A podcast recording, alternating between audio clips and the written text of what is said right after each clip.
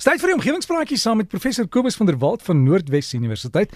Kobus, goeiemôre. Laas week het jy gepraat oor die afskiet of die afplatting van sekere berge om meer reën in die binneland te kry en mense was nogal boos vir jou, né? Derek, ja, goeiemôre. Goeiemôre ook al ons omgewingsvriende. Ja, daar was 'n hele paar van ons vriende wat die spekskiet storie 'n week gelede op die 1 April geglo het. En ek het nogal regtig baie boodskappe daaroor ontvang. Baie dankie daarvoor. Maar baie mense kon dit eenvoudig nie klein kry dat ek dit nou goed praat dat die pragtige Outeniqua berg by George en selfs die ikoniese Tafelberg wat 'n wêrelderfenisgebied is eersdaags nou bietjie platter gemaak gaan word nie. En 'n paar mense het dit toe nou regtig geglo en my in kwai bewoorde briewe nogal skerp aangespreek. Uh, ek dink dat daar deesdae soveel vreemde goed in ons land gebeur deurik dat my storie vir 'n klomp mense dalk geloofwaardig geklink het. Maar uh, laat ek die rekord regstel vir diegene wat dalk steeds daaroor wonder, dit was 'n absolute bogstorie wat uitsluitlik daarop gemik was om 'n bietjie humor in die lewens van ons omgewingsvriende te bring. En vir diegene wat ek ontstel het, uh, vra ek nou nederig om verskoning, dit was nou glad nie my bedoeling nie. Ek sal die heel eerste persoon wees wat heftig beswaar maak as daar enigsins sulke planne sou wees. Maar nou goed, kom ons gaan aan. Vanoggend wil ek graag uh, so twee luisteraars navrae behandel. In die eerste brief kom kom van meneer Hannes Engelbregt van Bloemfontein. En hy vra wat die verskil is tussen tifone, wolkbreuke, orkane, tornado's en tsunamies. Hy sê al hierdie goed uh, het nou die die invloed op die aarde dat dit vernietigende uitwerkings het, maar hy raak bietjie deurmekaar met al die terme. Nou baie dankie meneer Engelbregt vir die vraag. En die terme kan inderdaad verwarrend wees vir mense wat nou nie in klimatologie of in meteorologie onderlê is nie. So kom ons begin by die maklike een eerste en dit is 'n tsunami. Al die ander name wat meneer Engelbregt genoem het, het te maak met winde en wolke. Terwyl 'n tsunami bloot 'n baie hoë golf of 'n waterstuwing is wat laagliggende dele van die landskap kan oorstroom, soos wat ons gesien het in Japan so 'n paar jaar gelede. Hierdie skielike massa water wat oor die land vloei, kan veroorsaak word deur 'n aardbewing, 'n groot massaverplasing in die see op die seebodem nou of deur 'n meteoriet wat in die see val. Nou die ander terme wat meneer Engelbrecht genoem het, verskil hoofsaaklik van mekaar slegs na gelang van hulle grootte. As ons nou dink hier by ons in Suid-Afrika is die warrelwinde wat ons gereeld oor ons landskap sien eh, 'n bekende gesig. Nou onder sekere omstandighede kan so 'n warrelwind heelwat groter word en die windspoed van die roterende lug kan etlike honderde kilometer per uur bereik en ons noem dit dan 'n tornado. Nou 'n tornado is tipies net so 'n paar honderd meter in deursnee en hy los gewoonlik 'n streep van verwoesting soos wat hy oor die landskap beweeg. Maar nou kry mens ander soort klimatologiese toestande wat gewoonlik met die ontwikkeling van 'n intense laagdruksel oor die warmer oseane begin. En dit kan nou resulteer in die ontwikkeling van 'n tropiese sikloon. En dit is wat in die omgangstaal hier by ons nou as 'n orkaan bekend staan. En so 'n orkaan is in wese maar net 'n reuse tornado. Die wind roteer ook om 'n sentrale punt Maar 'n orkaan verskil van 'n tornado daarin dat hy tipies etlike honderde kilometer in deursnee is in vergelyking met die paar honderd meter van 'n tornado. 'n Orkaan gaan gewoonlik gepaard met baie sterk winde en vreeslike sterk reën as dit nou oor die land beweeg. En die winde is so sterk dat dit vir altyd in springgety die seewater letterlik bo oor die kus kan waai sodat laagliggende dele ook oorstroom kan word.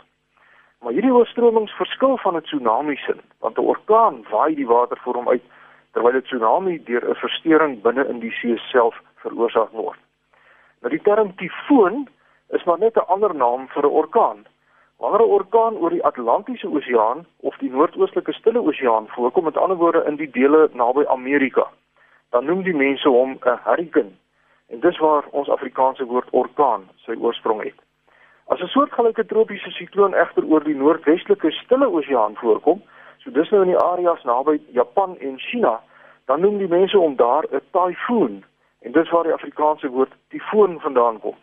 En die mense in die suidelike stille en Indiese Oseane, met ander woorde daarna by Australië en Nieu-Seeland en ook in die eilandstate, noem egter 'n tropiese sikloon bloot 'n sikloon en dit word nou in Afrikaans vertaal as 'n sikloon. En ons het gesien oor die nuus die afgelope week die sikloon wat daar in Australië ehm um, sy sy sy vernietigingswerk gedoen het. So dis geen wonder dat mense van tyd tot tyd deur mekaar raak met die name nie. 'n Tropiese sikloon, 'n tifoon en 'n orkaan is presies dieselfde ding wat maar net verskillende name het in verskillende streke van die aarde. En dan die laaste term, 'n wolkbreek, dit is maar net 'n buitengewone heftige reënbui oor 'n kleinerige area, maar daar's nie werklik 'n definisie vir 'n wolkbreek nie. Mense praat maar sommer van 'n wolkbreek as dit nou regtig hard gereën het vir 'n in 'n kort tydjie. Nogmaals dankie vir die brief meneer Hannes Engelbregt van Bloemfontein. En dan Dirk, sluit ek graag af met 'n brief wat ek ontvang het van meneer Hardus de Beer van Pretoria. Hy sê hy het die afgelope 2 jaar nou uitgekyk vir 'n aftreeoord aan die rand en in Pretoria en hy wil uh, hy wil nou graag vir hom 'n eenheid daar koop, maar tot sy ontsteltenis het nie een van die ontwikkelaars of die rade of die trustees voorsiening gemaak vir die opvang van reënwater nie. Hy sê gedagte van die onlangse droogte en die waterbeperkings dink hy hierdie leemte behoort aangespreek te word. 'n Aftreeoord met 150 eenhede wat elkeen met 'n watertank van byvoorbeeld 10000 liter toegerus is, kan 'n beduidende bydrae lewer in droogtetye. En dit kan gestandaardiseerde tanks wees wat die reënwater van elke gebou se dak dan opvang. Hy sê mense kry deesdae baie netjiese tanks en die tanks kan as deel van die bouplanne by die ontwerp aangepas word sodat dit nou nie so seer oë die hele oord vol staan nie. En hy eindig sy brief deur te sê dat die ouer mense sekerlik op so 'n wyse 'n bydrae kan lewer en dit nie net nalat vir die nageslag om dit nou te doen nie. Baie dankie meneer Hardus de Beer van Pretoria vir die brief en ek stem 100% met u saam. Na regte boor die installering van 'n tank om reënwater op te vang as 'n verpligte item in ons bouregulasies ingeskryf word sodat elke liewe woonhuis of gebou in Suid-Afrika so 'n tank moet kry want ons reënval is wisselvallig en die wisselvalligheid gaan slegs erger word na mate die effekte van klimaatsverandering duideliker manifesteer. En dieselfde geld natuurlik vir songeisers. Ek het gehoor van mense wat in in hierdie sekuriteitsoorde die die die uh luxe rykmansoorde nou woon en uh, daar is uh, so werklik wel reëls wat die installasie van 'n songeyser op die dak verbied want die mense dink dit gaan nou lelik lyk. Uh, Daai tipe denke is is nie meer aanvaarbaar in ons land met sy wisselvallige reënval en met ons energiebehoeftes en ons strewe na volhoubaarheid nie. En ek wens die mense wil dit nou besef. En dit daarmee is my tydjie vir oggend nou alweer om.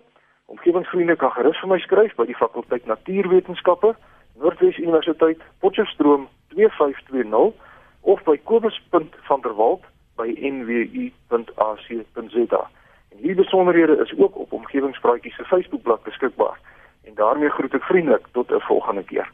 So gesels ons met professor Kobus van der Walt van Noordwes Universiteit. Onthou die e-posadres is kobus met 'n k, hè, kobus.vanderwalt@nwu.ac.za.